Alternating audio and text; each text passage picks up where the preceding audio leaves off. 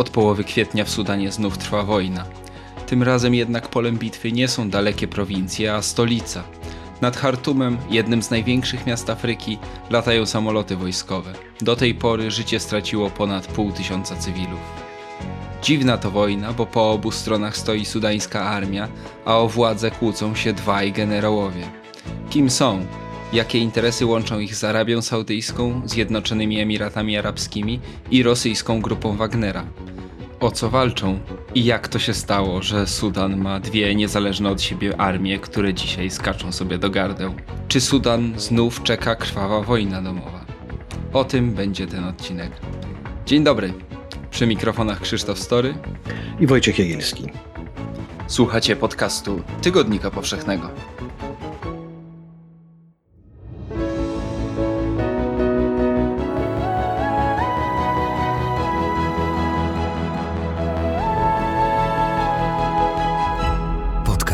Tygodnika Powszechnego. Weź, słuchaj.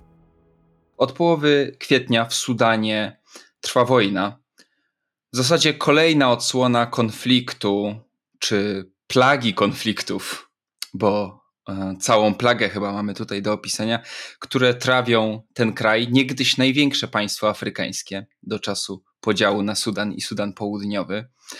To jest wojna między dwoma armiami, między armią rządową a tak zwanymi siłami szybkiego reagowania. O tym, kto dokładnie walczy i dlaczego, jeszcze porozmawiamy w szczegółach, bo to wcale takie proste nie jest.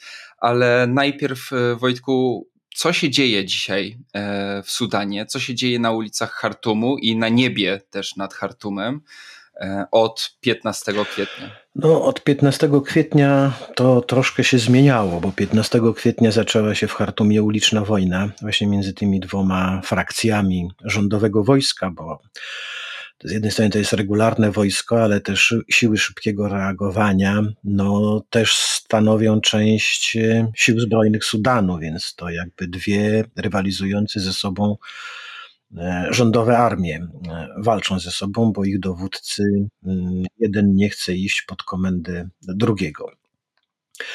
E, siły regularne, ta, te, te wojsko regularne ma przewagę nad e, tymi siłami szybkiego reagowania w postaci lotnictwa.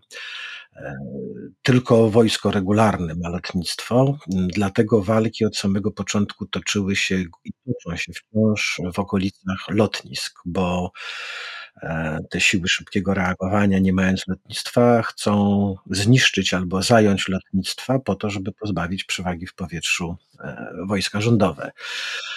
Walki toczą się w śródmieściu Hartumu, w zasadzie w całym mieście, ale głównie w śródmieściu Hartumu, jednego z największych miast w Afryce, gęsto zaludnionego, dlatego że toczą się o najważniejsze budynki, e, urzędy o telewizję, o pałac prezydencki, o kwaterę armii sudańskiej, ministerstwa.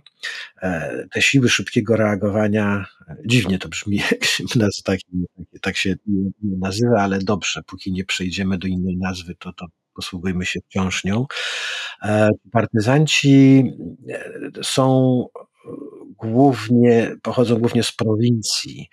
E, wprowadzili się do miasta wraz ze swoim dowódcą, który chyba przewidując, że prędzej czy później dojdzie do konfliktu o wpływy i o władzę, tak rozmieścił swoje garnizony i tak rozmieścił e, kwatery swoich dowódców, że mm, znaleźli się oni w środku dzielnic mieszkaniowych. E, dzisiaj armia rządowa, ta regularna, twierdzi, że, że właśnie siły szybkiego reagowania z mieszkańców Hartumu uczyniły e, żywe tarcze, ale nie ceregieli się specjalnie rządowe wojsko i w te żywe tarcze strzela z rakiet z powietrza, no bo tam ma przewagę.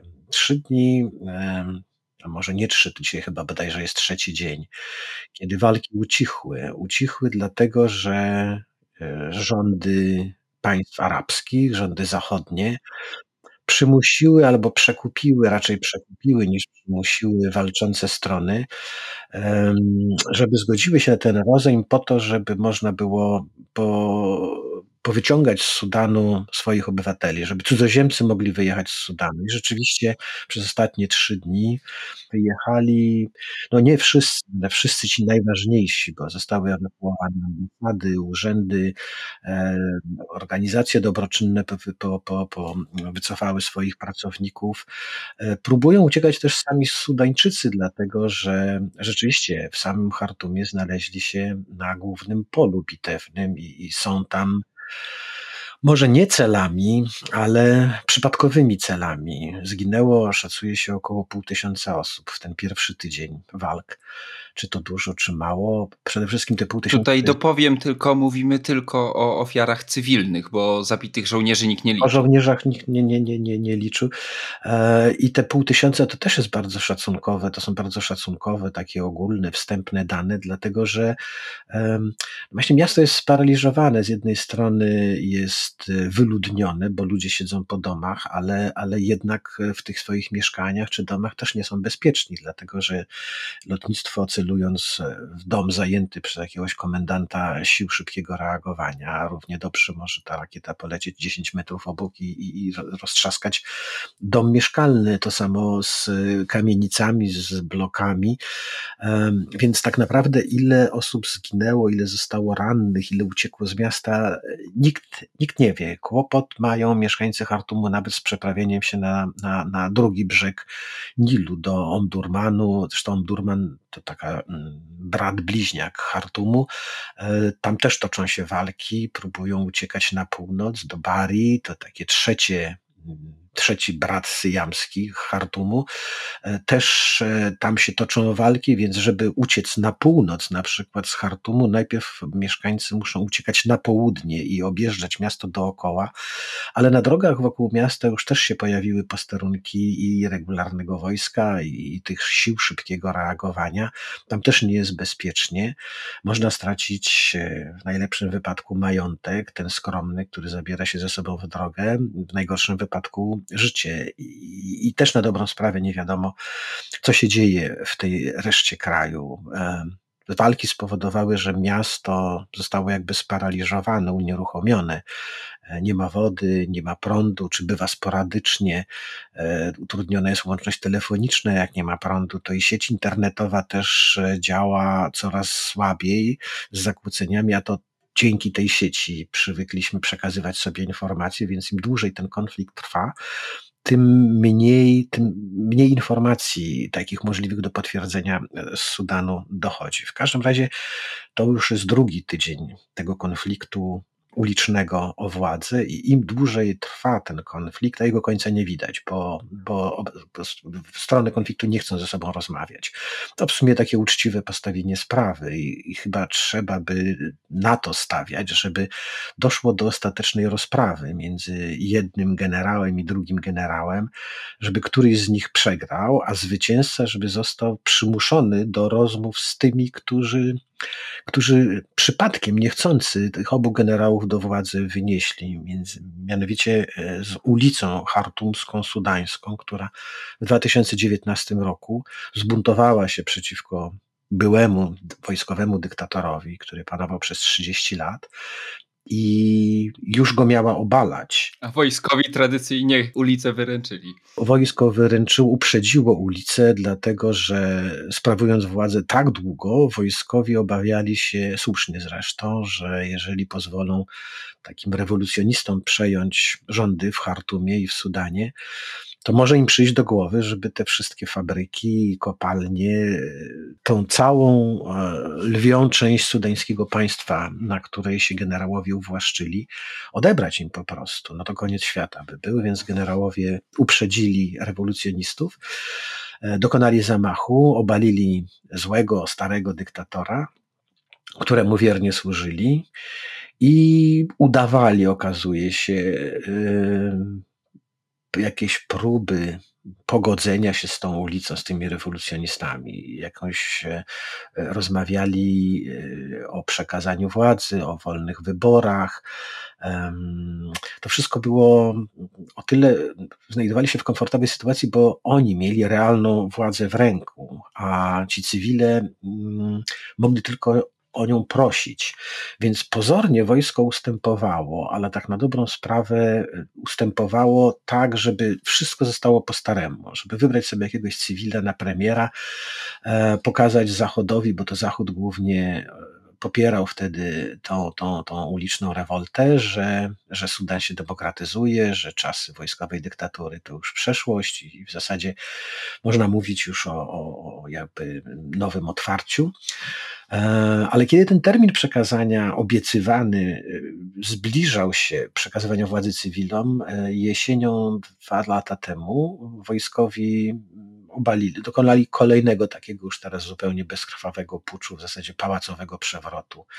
Przegnali tych cywilów z rządu tymczasowego, sami przejęli władzę już dla siebie, też obiecując oczywiście, że za dwa, trzy lata, góra, cztery, jak już wszystko uporządkują w kraju i przygotują kraj na demokrację, to urządzą takie wolne wybory, że, że ho, ho i cała Afryka i świat będą im zazdrościć.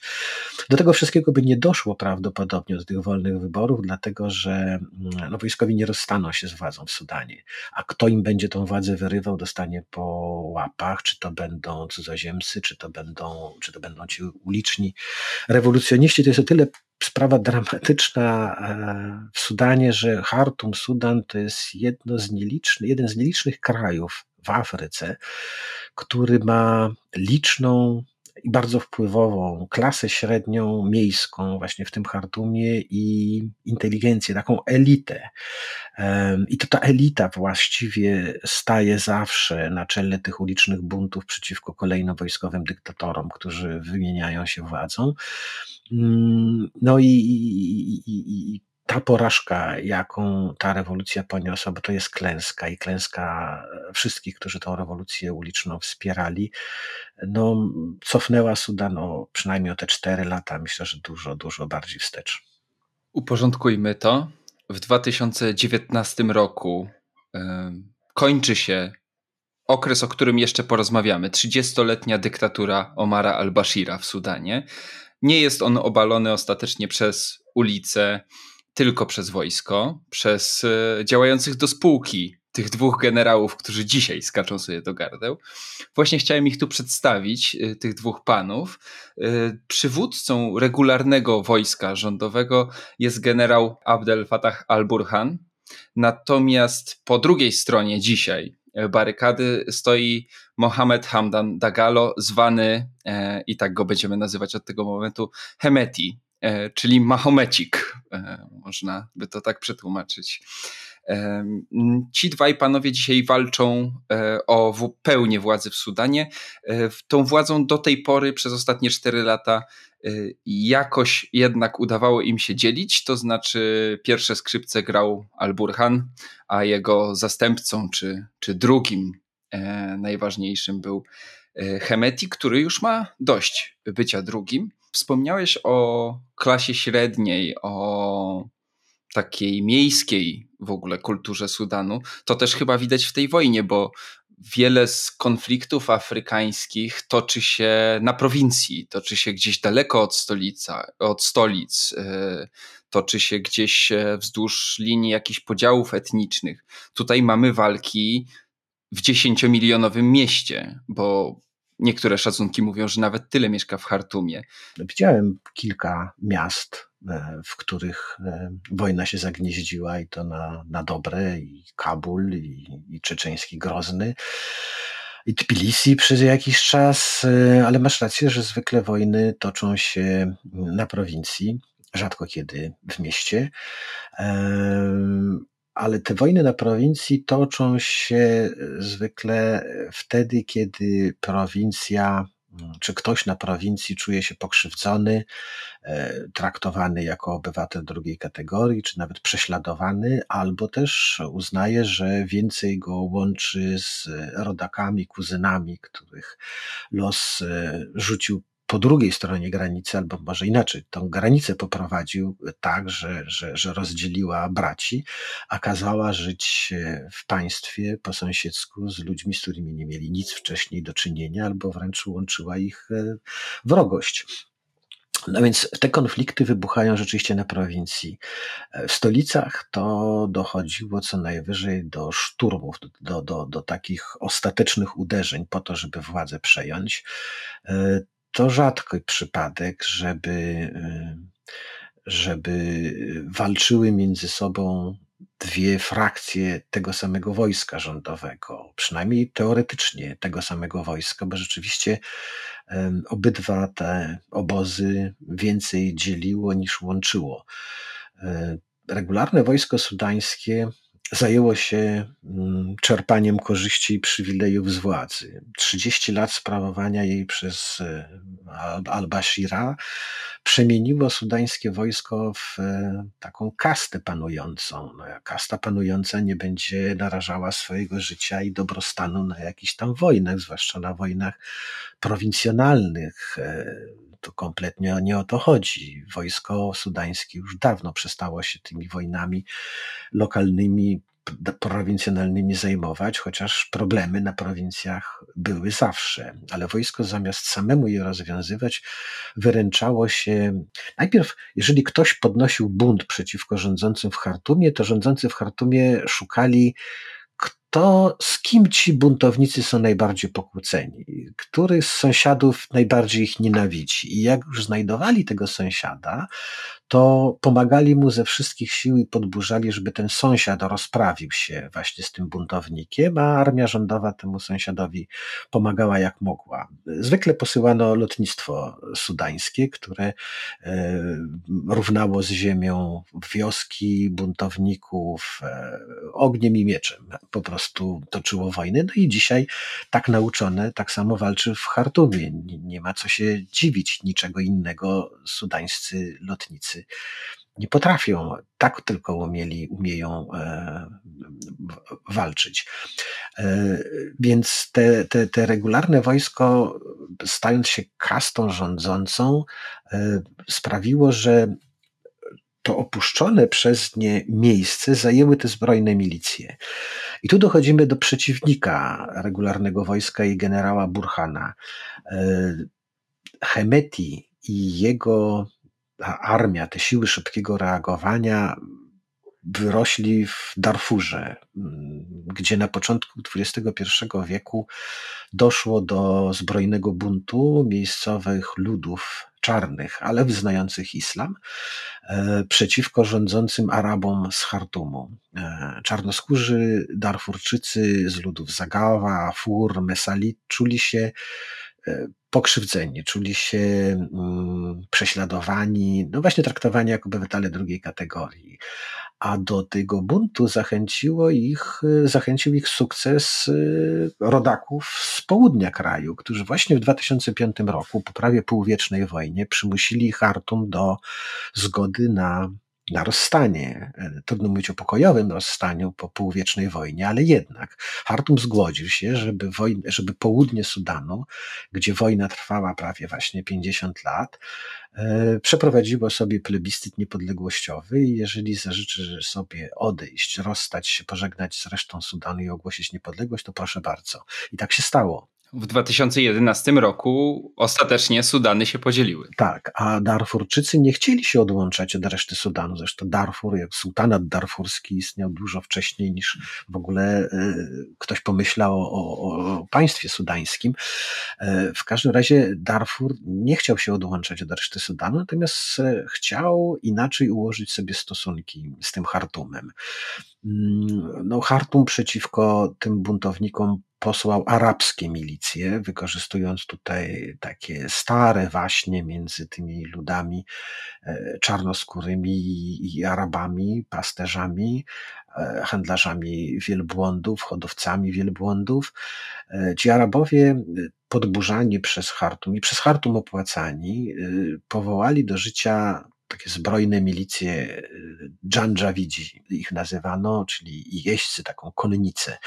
No i to ci Dżandżawidzi utopili, czy topili we krwi tą rebelię w Darfurze. Tymi Dżandżawidami dowodził Hemeti. Czyli dzisiejszy przeciwnik generała Burhana, który też karierę swoją wojskową robił e, w Darfurze. No jako dowódca, jako koordynator e, działalności tych Dżandżawidów i, i sudańskiego lotnictwa.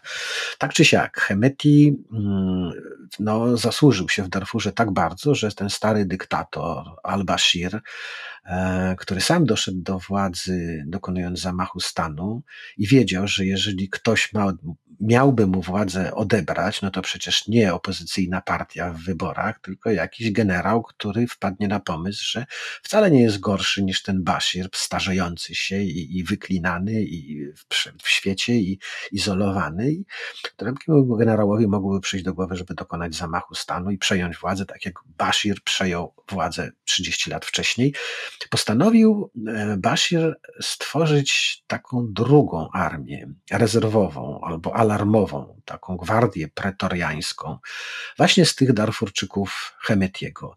Potraktował ich troszeczkę wyższościowo, bym powiedział, bo e, Sudanem rządzą od powstania tego państwa elity z Nadnilu, z Hartumu, z Omdurmanu, z miast na północy. Ci Sudańczycy rzeczni, E, Darfurczyków, czyli takich Sudańczyków pustynnych, mają za prowincjuszy w najlepszym wypadku, e, za dzikusów, prostaków. Więc Bashir słusznie uważał, że Hemeti może być dowódcą gwardii pretoriańskiej, ale nawet jeżeli jemu by przyszło do głowy, żeby obalać Bashira, no to przecież nigdy w życiu Sudan nie zaakceptuje takiego, takiego prezydenta.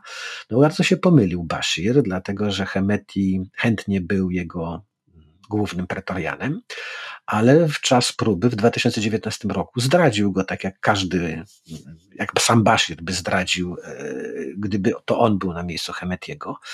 Ci Dżandżawidzi rozrośli się w tak samo liczną, a lepiej uzbrojoną i lepiej wyszkoloną i zaprawioną w bojach armię jak wojsko rządowe. No właśnie, bo z tego co mówiłeś, to armia rządowa dłuższego czasu w Sudanie zajmuje się głównie kręceniem własnych interesów i ewentualnie posyłaniem samolotów do pomocy w jakimś lokalnym konflikcie, czy właśnie przeciwko jakimś partyzantom, czy to z Sudanu Południowego, czy Darfuru. E, natomiast ta armia e, Hemetiego, którą dzisiaj nazywamy siłami szybkiego reagowania, bo ona została jakby wcielona w system państwa sudańskiego, te zbrojne milicje, to jest co prawda dwa razy mniejsza, bo ona e, liczy około 100 tysięcy osób, no ale mm, może nie tyle przeszkolona, co właśnie zaprawiona w bojach od lat. Dlatego, że Hemeti. Dostrzegł w tym swoim wojsku nie tylko wehikuł e, rozszerzania wpływów politycznych i awansu po szczeblach e, drabiny władzy, ale także uznał tych, te swoje wojsko jako świetny interes. E, w 2015 roku, czyli zaraz po tym, jak udało mu się stłumić rebelię w Darfurze, e, Arabia Saudyjska i, i Zjednoczone Emiraty najechały na Jemen, żeby tam przerwać wojnę domową w Jemenie, albo inaczej, żeby wygrać ją i ustanowić u władzy um, miły sobie rząd. Ale no, Saudyjczycy, zwłaszcza Zjednoczone Emiraty Arabskie mają świetny sprzęt, mają znakomite lotnictwo, natomiast wojsk lądowych to tak nie za bardzo, więc e, zapoprosili Sudan o przysłanie piechoty. No, generałowie z Hartumu chętnie by tą piechotę przysłali, gdyby mieli, ale przecież nie po to jest wojsko, trzyma władzę, żeby zajmować się jakimiś sprawami piechoty, więc e, posłali Hemetiego i jego Darfurczyków. Szacuje się, że do Jemenu pojechało około 50 tysięcy Darfurczyków, czyli no, ogromna armia, która tam e, uczyła się walczyć, e, kolejne doświadczenia po Darfurze, a przede wszystkim wracała stamtąd e, z ogromnym długiem wdzięczności, jaki u Hemetiego zaciągnęli Saudyjczycy i szejkowie z Dubaju i Abu Zabi. Płacili, spłacali mu ten dług wdzięczności w gotówce. To były miliardy dolarów, które bardzo wzbogaciły Hemetiego i, i, i jeszcze sprawiły, że był jeszcze ważniejszy. Żołnierze Hemetiego walczyli też w Libii, gdy tam wybuchła wojna domowa, też na zaproszenie, czy też na życzenie e, Zjednoczonych Emiratów Arabskich, bo w Libii Zjednoczone Emiraty Arabskie popierają wschodnich buntowników z Libii, ale niezręcznie im było wysyłać swoje własne wojska, więc chętnie skorzystali z najemników czy z tych żołnierzy e, Hemetiego. E, w ten sposób Hemeti nie tylko zdobywał pieniądze na tą swoją armię, mówi się o tym, że, że to jest największa prywatna armia w całej Afryce. Jej właścicielem jest Hemeti, ale i im był on silniejszy wojskowo, tym był silniejszy politycznie, a im był silniejszy politycznie, tym większe ustępstwa wyciągał, wytargowywał od Bashira. W końcu Bashir zgodził się, żeby Hemeti i jego wojsko zarządzało kopalniami złota w Darfurze. No to było tylko usankcjonowanie faktu, zastałego, dokonanego, bo Hemeti walcząc w Darfurze te kopalnie już dawno zajął, ale Bashir pozwolił mu je jakby przejąć na własność. E, więc Hemeti czerpał korzyści także z wydobycia złota i sprzedaży tego złota. Sprzedawał raczej to była kontrabanda niż e, sprzedaż, dlatego że do skarbu państwa sudańskiego oddawał nieznaczną tylko część tego złota w końcu własnością, będącego własnością Sudanu, natomiast lwią część szmuglował do Dubaju i do Syrii, a głównym odbiorcą tego sudańskiego złota byli rosyjscy przedsiębiorcy powiązani z tą znaną już firmą, o której też parę razy rozmawialiśmy, grupą Wagnera, którzy już od połowy już od jakiegoś 2015-16 roku e, skupowa, okazuje się, że skupowali złoto w Sudanie i nie tylko w Sudanie, mm, myśląc o tym, że to będzie najlepsze zabezpieczenie przez, przed zachodnimi sankcjami, gdyby Rosja e, uderzyła e, ponownie w Ukrainę. I, i, i, i w ten sposób Hemeti no, wyrósł na osobę szalenie ważną, drugą najważniejszą po al-Bashirze, później po al-Burhanie. I źródłem tego konfliktu właśnie jest ten konflikt ten, ten spór, może nie spór, ta, ta niemożność pogodzenia dwóch tak ważnych osobowości i osobistości, bo. Z których jeszcze każda dysponuje ponad 100 tysięczną armią.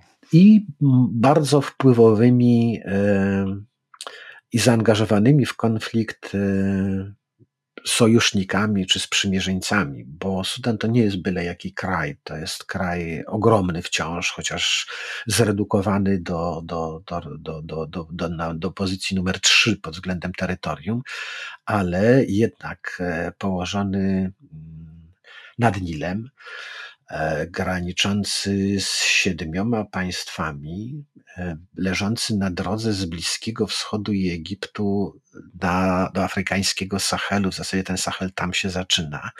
E, Sudan to jest kraj e, bogaty w surowce mineralne, a także który mógłby być takim rolniczym zagłębiem dla znacznej części Afryki, zainteresowanie Zjednoczonych Emiratów Arabskich e, krajami z, z rogu Afryki, a zwłaszcza Sudanem, wzięło się właśnie z tego, że Emiraty chciały traktować Sudan jako taki swój spichlerz żywnościowy, żeby tam produkować e, żywność. No właśnie, były tym chyba nawet bardziej zainteresowane niż tym sudańskim złotem. No, Dubajczycy wiedzieli, że to złoto z Sudanu i tak prędzej czy później trafi do nich, do Dubaju, po to, żeby je sprzedać, czy tamtędy przemycić, czy też e, wreszcie, żeby zainwestować to złoto w, w bo gdzie można zainwestować, gdzie, się, gdzie, gdzie zainwestuje wataszka sudański e, wydobyte przez siebie e, złoto z zawłaszczonej kopalni. No przecież nie w Nowym Jorku, czy, czy nie w Paryżu, chociaż rosyjscy oligarchowie bez problemu inwestowali w Londynie chociażby. E, no ale dla takiego Hartumczyka czy Sudańczyka e, bliższa ciału koszula i inwestowałby w Dubaju, więc Emiratom zależało na, na, na, na, na raczej na e, polach, na, na, na gruntach rolnych sudańskich, a także na tym, żeby panować nad wybrzeżami Morza Czerwonego, bo to jest jednak zbyt ważny szlak handlowy, żeby to zostawić e, komuś innemu. I, i w ten sposób szejkowie z Dubaju i z Abu Zabi bardzo zaangażowali się w sprawy sudańskie, razem z nimi Saudyjczycy. E, był czas, i to dobrze się pamięta, zwłaszcza w Arabii Saudyjskiej, że Sudan i Hartum w pierwszej połowie lat 90. to była główna kwatera Al-Kaidy i Osamy Ibn Ladina. Oni przegnany z Arabii Saudyjskiej wyjechał właśnie do Sudanu. Więc Saudyjczycy boją się kolejnych fanatyków, e, rewolucjonistów. Bardzo by nie chcieli, żeby gdziekolwiek w okolicy, zwłaszcza tak bliskiej jak Sudan, znajdowali oni schronienie. Dlatego popierali generała generałów sudańskich, po cichu popierali Bashira, głośniej popierają im bardziej otwarcie Burhana.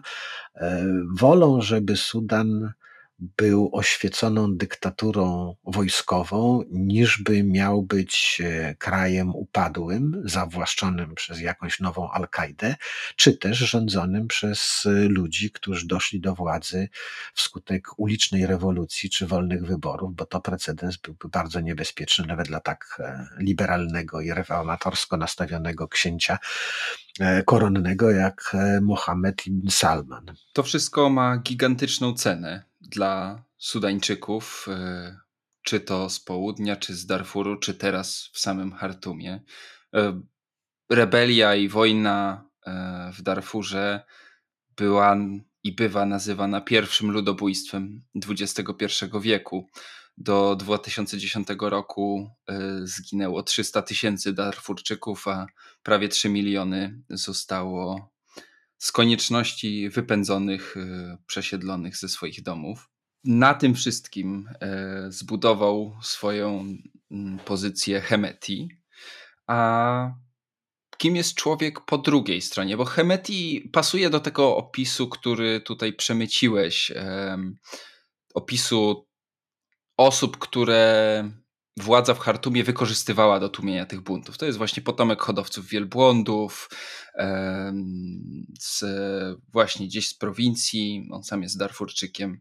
Kto stoi po drugiej stronie? Kim jest ten, który przez ostatnie cztery lata sprawował i cieszył się najwyższymi zaszczytami i funkcjami w Sudanie, czyli e, Abdel al-Burhan, dowódca armii rządowej? Nie jest nikim szczególnym.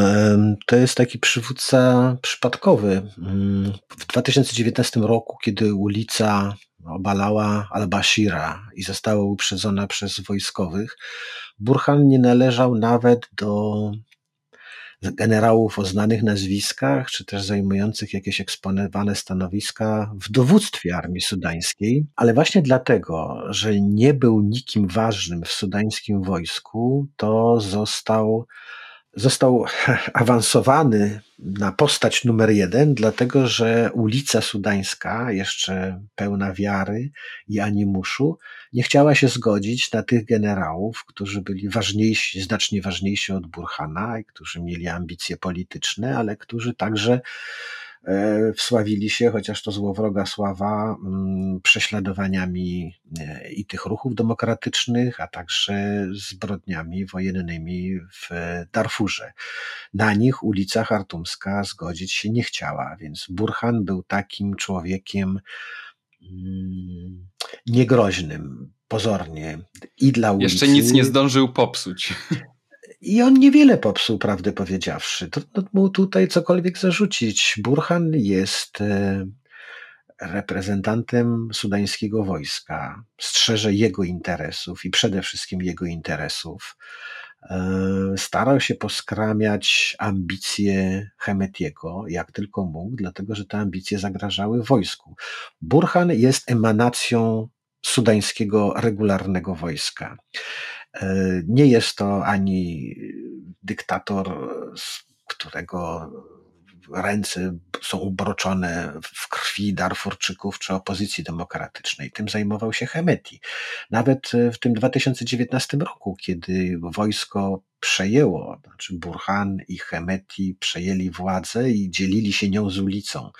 Kiedy toczyły się rozmowy o podziale władzy, w czerwcu 2019 roku wojsko rozpędziło demonstrantów sprzed Ministerstwa Obrony, sprzed sztabu armii sudańskiej, dokonując brutalnego, krwawego pogromu, takiego jakiego dokonywano w Darfurze. Zginęło tam ponad 100 osób. I dokonali tego e, żołnierze Hemetiego, nie regularne wojsko. Także e, Burhan jest, e, na dziś bym powiedział, jest takim. On się kojarzy z, właśnie z wojskową dyktaturą, ale nie tą najgorszą, z rządami wojska, broń Panie Boże, z demokracją, z konserwatyzmem. I, i, I broni też tego tradycyjnego układu sił w Sudanie. To znaczy, władza należy do Sudańczyków, do, do, do sudańskich Arabów z Nadnilu, a nie do jakichś parweniuszy z pustyni, z Darfuru. I, i, i tego broni Burhan. Burhana wspierają konserwatywne kraje takie jak Egipt, gdzie rządzi jego kolega ze studiów, e, prezydent Sisi, e, popiera Burhana Arabia Saudyjska, Zjednoczone Emiraty Arabskie też by popierały Burhana zapewne, gdyby nie to, że czują się troszkę winne E, Hemetiemu, czują się dłużnikiem Hemetiego, a przede wszystkim Hemeti jest im potrzebny do tych innych awantur wojennych, do których e, Zjednoczone Emiraty są wyjątkowo skore. Więc ja bym tak, tak nazwał Burhana, taki człowiek, określił go jako taki człowiek e, z cienia, pozbawiony politycznych ambicji, wyniesiony do władzy tylko dlatego, że właśnie tej władzy wcale nie chciał i o niej nie marzy. Natomiast zgadza się uważający, że e, jeżeli po tą władzę miałby sięgnąć ktoś taki jak Hemeti, no to zgroza. Ma tego Hemetiego za dzikusa. E, nawet ten generał sudański uważa, że przejęcie władzy byłoby mm, jakby z bezczeszczeniem tego resztek majestatu, jaki ta władza w Sudanie czy gdziekolwiek indziej e, posiada, że, że, że tacy ludzie jak Hemeti nie mają prawa rządzić. No Hemeti uważa coś zupełnie innego. E, on przezywa dzisiaj Burhana e, muzułmańskim fanatykiem, a to dlatego, że na początku rządów al-Bashira rzeczywiście wojskowi dokonując zamachu stanu, sprzymierzyli się z e, radykałami religijnymi, z taką partią, radykalnych, e, radykalnie muzułmańską partią, e, po to, żeby się uprawomocnić, zalegalizować, uwiarygodnić w oczach Sudańczyków. Więc Hemeti samouk, bo on szkół nie pokończył żadnych, ale mnóstwo rzeczy się sam nauczył, a zwłaszcza jak działać w polityce. Więc dzisiaj Hemeti, który najpierw utopił we krwi Darfur, potem rozpędził e, krwawo tych pokojowych demonstrantów z Hartumu, dzisiaj mówi, że tak naprawdę to on zawsze ich bronił i, i zawsze był po ich stronie i domaga się demokracji, no bo demokracji e, zagrożona jest według niego przez e, wojskowych generałów w osobie Burhana. Myślę, że gdyby czy też wierzę, że kiedyś te wolne wybory w Sudanie się odbędą e, pod nadzorem jakichś e, zagranicznych organizacji, ale może się okazać, że jednym z kandydatów, który w tych wyborach będzie, będzie startował, już nie w mundurze polowym, a i nie w garniturze, ale w takich powłóczystych szatach i turbanie, będzie Hemeti. Może się okazać, że wygra je uczciwie i będzie pierwszym myślę, że Hemetiemu taka rola bardzo by odpowiadała. Jest młody, ma ambicje, chciałby pożyć i życiem się nacieszyć, a życie bez władzy wydaje mu się pewnie kompletnie bezwartościowe. Młody, choć już po czterdziestce, ale faktycznie sporo w tych ról w życiu y, zaznał Hemeti, bo ten Hemeti z czasów Bashira, no to można by go trochę porównać, myślę, do Ramzana Kadyrowa i jego roli, którą spełnia dla Władimira Putina, takiego psa e, gończego, którego się posyła E, kiedy nie chce się robić czegoś samemu, a chce, żeby było zrobione. Dzisiaj mówisz o nim jako dowódcy no, w zasadzie jednej z największych prywatnych armii świata. Też warto może przypomnieć, że Hemeti był jednym w dniu, w którym Rosja najechała na Ukrainę, w Moskwie gościło dwóch zagranicznych e, przywódców, polityków. Jednym to był premier Pakistanu Imran Khan, który został przyjęty na Kremlu, a drugim był Hemeti. Już do Putina no, nie mógł Putin przyjąć kogoś tak niskiego rangą, ale spotkał się na Kremlu z Siergiejem Ławrowem e, i ponoć znaczy wiedział, no, te złoto Chemetiego służyło Rosji do przygotowań wojennych. Chemeti mógł nie, nie wchodzić w szczegóły, ale, ale, ale z całą pewnością e, coś tam wiedział. I Wagner nie przypadkiem e, pomaga bardziej Chemetiemu. Aczkolwiek Wagner może się, ta grupa Wagnera i Rosja może się w Sudanie bardzo sparzyć, bo dziś, dziś walczą w Sudanie dwaj sojusznicy Rosji bo i Al-Burhan, e, i Bashir, czyli to regularne wojsko sudańskie, było dobrym przyjacielem Rosji i Rosja bardzo chętnie z tymi Sudańczykami się przyjaźniła, ale się przyjaźniła też z Hemetim i robiła z nim interesy. Głównie o interesy chodziło, o złoto e, Hemetiego, e, za które Rosja płaciła uzbrojeniem, szkoleniem jego żołnierzy. Od tego jest grupa Wagnera. I dzisiaj Obydwaj ze sobą ci sojusznicy biją się, toczą wojnę o władzę, czyli na śmierć i życie. Rosja będzie musiała któregoś z nich wybrać, na kogoś postawić, bo no chyba, że zdarzy się coś strasznego i dojdzie do okrągłego stołu sudańskiego, przy którym znów zasiądą Burhan, Hemeti i przedstawiciele chartumskiej ulicy, a wszyscy w świecie uznają, że no, nie jest to najgorsze rozwiązanie i wybierzony zostanie jakiś cywilny premier i będzie miał za zastępcę dwóch zbrodniarzy wojennych, bo teraz to już to, to, to, to popełniają obydwie strony wojenne zbrodnie, choćby tocząc tą wojnę w środku, w środku, e, w środku miasta. Więc Rosja postawiła na Hemetiego, doceniając jego instynkt, jego spryt. Masz rację, można dostrzec pewnego rodzaju podobieństwa w obydwu postaciach, i Hemetiego, i Ramzana Kadyrowa. E, to jest ten sam, ta sama e, taka polityczna przedsiębiorczość, spryt prowincjusza, spryt prowincjusza, taka determinacja prowincjusza, żeby wdrapać się na sam szczyt, spojrzeć nawet, rzucić okiem na, na, na to miejsce, które dla niego niby powinno być zupełnie niedostępne, którego powinien w ogóle nie oglądać, ale już jak się zobaczy tak z bliska czy z daleka, to, to nawet się poprzymierzać. E, no, Kadyrowie przecież w Moskwie, w, z Kadyrowa w Moskwie śmieją się Rosjanie, czy rosyjskie elity, tak samo jak chartumskie elity wyśmiewają się, wyśmiewają Hemetiego, szydzą z jego prowincjonalnych manier, z, je, z, jego języka, z tego, że nawet po arabsku duka, a nie mówi, mówi z jakimś dziwnym, pustynnym slangiem. E, no, Ramzan Kadyrow jest oczywiście bardzo cennym sprzymierzeńcem Putina dzisiaj w Ukrainie, a wcześniej na Kaukazie, ale y, w Moskwie no, zawsze sobie robiono żarty z jego postaci, z jego gustów i, i z jego jakiegoś, jakichś tam zachowań, więc tak, to, to, to może są tacy właśnie ambitni prowincjusze w polityce, którzy nie zawahają się użyć siły, żeby sięgnąć po to, co im się zamarzyło, a przede wszystkim, którzy wiedzą, jak tej siły użyć, nie boją się przemocy, podczas gdy my wszyscy przemocy się bardzo boimy. I dobrze. I dobrze. Wspomnieliśmy na początku, że po ponad tygodniu takich intensywnych walk, yy, zwłaszcza w Hartumie, trwa cisza kilkudniowa. Cisza poświęcona głównie na to, żeby państwa postronne zdążyły wszystkich swoich ważnych obywateli wywieźć z Sudanu.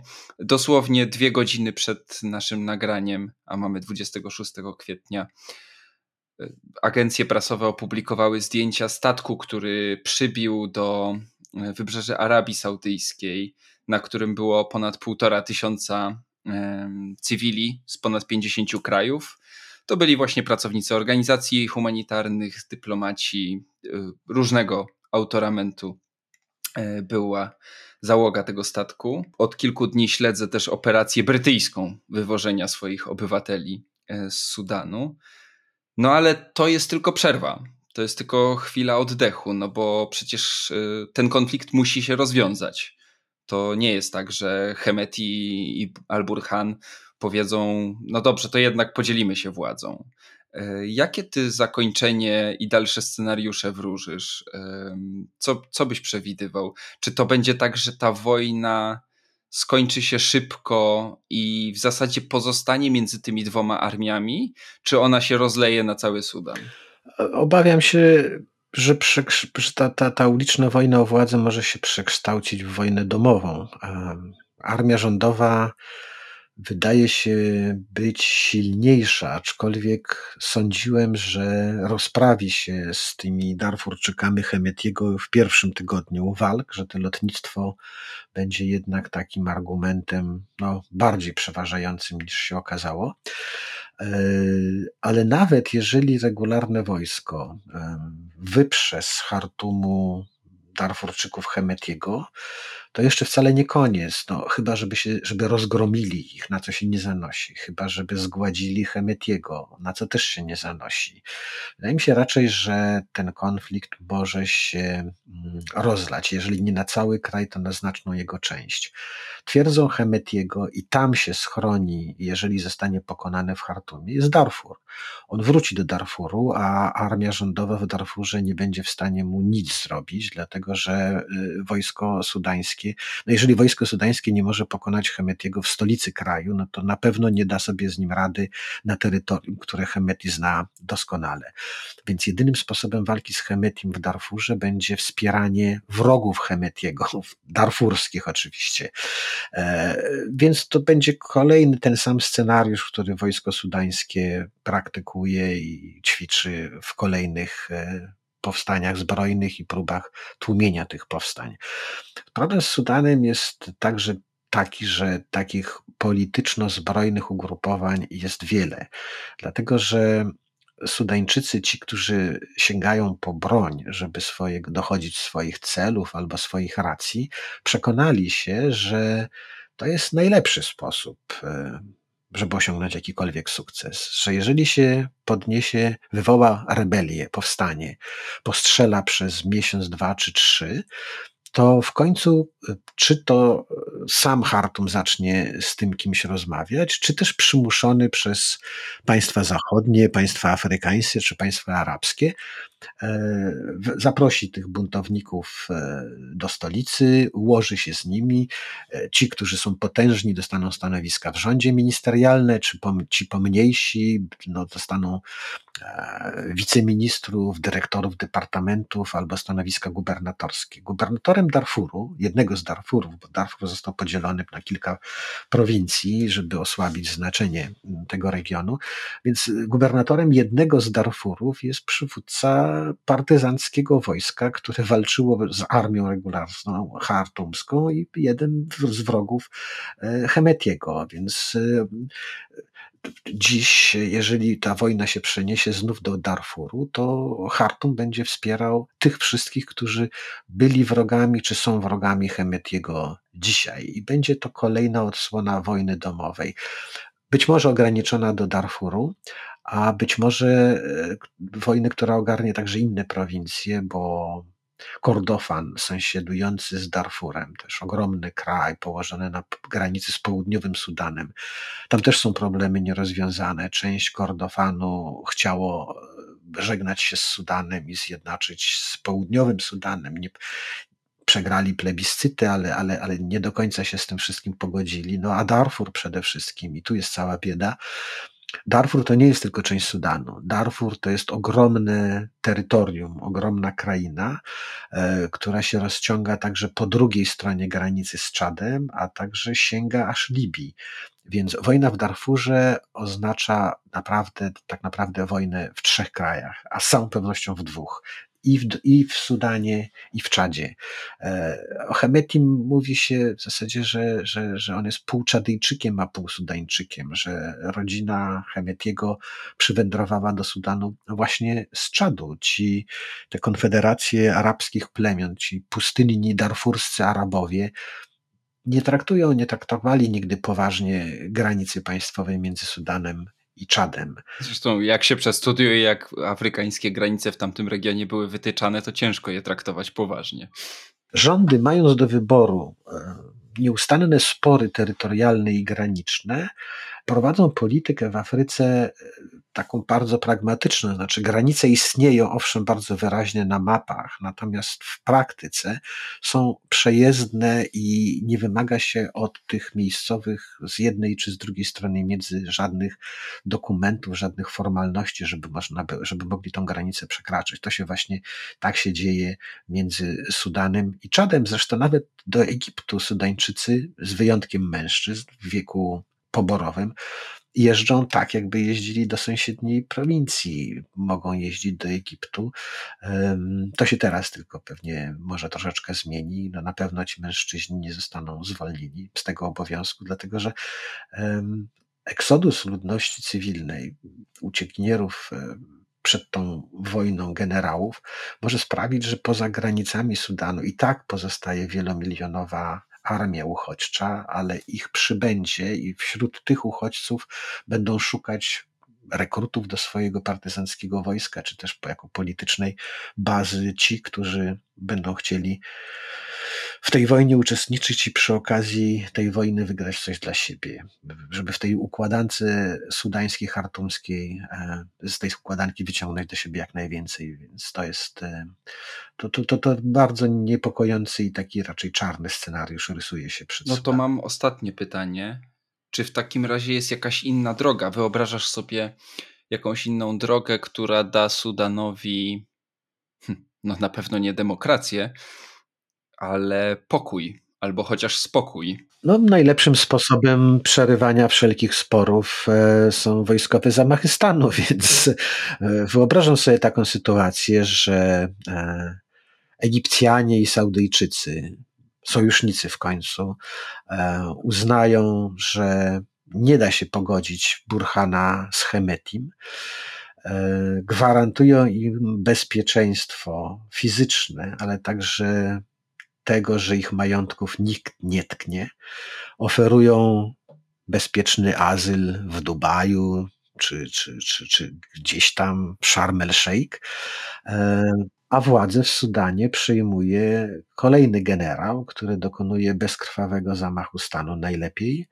E, Hemeti i Burhan na początku oburzeni, ale później ustępują, składają deklarację, że w poczuciu patriotycznego obowiązku rezygnują ze swoich karier politycznych i zgadzają się wyjechać z kraju, byle tylko ukochany Sudan e, za, za, za, mógł cieszyć się pokojem i demokracją, która nastąpi po wolnych wyborach za dwa, trzy, cztery lata.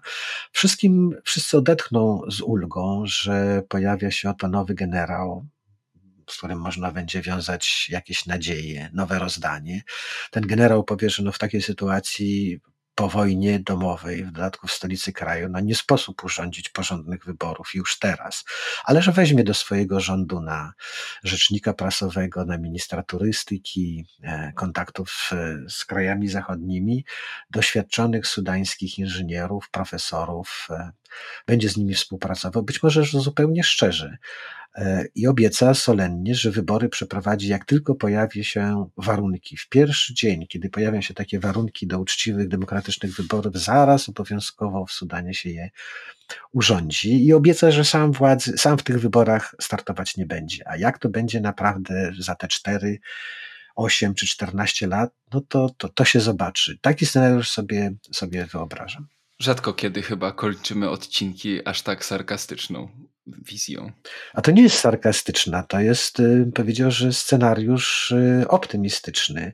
E, z nim jest, można wiązać najwięcej nadziei, bo alternatywą dla tego scenariusza jest y, przeciągająca się wojna i w Chartumie, e, ale także w prowincjach. A kto wie, czy wojna, która nie rozpełźnie na sąsiednie kraje i wtedy e, zaprowadzić tam jakikolwiek pokój będzie niezwykle trudno. Więc w takiej sytuacji oświecony dyktator jest lepszy niż e, wataszkowie, którzy dla swojego interesu gotowi są spalić e, cały Hartum i cały Sudan. Kibicujmy zatem optymistycznym scenariuszom. W znanym amerykańskim filmie pojawia się taka kwestia i to zdaje się, nie wiem, czy nawet Merlin Monroe nie głosi, że nikt nie jest doskonały.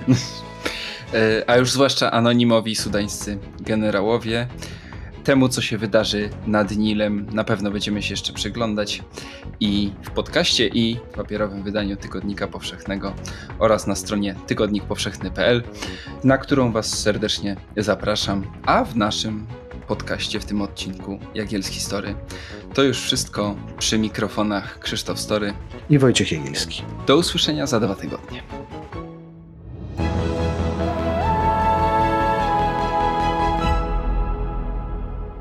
Dziękujemy za wysłuchanie podcastu powszechnego. Teraz zapraszamy na www.tygodnikpowszechny.pl, gdzie znajdziesz więcej materiałów pisma niezależnego dzięki swoim czytelniczkom i czytelnikom. Weź, czytaj i rośnij z nami.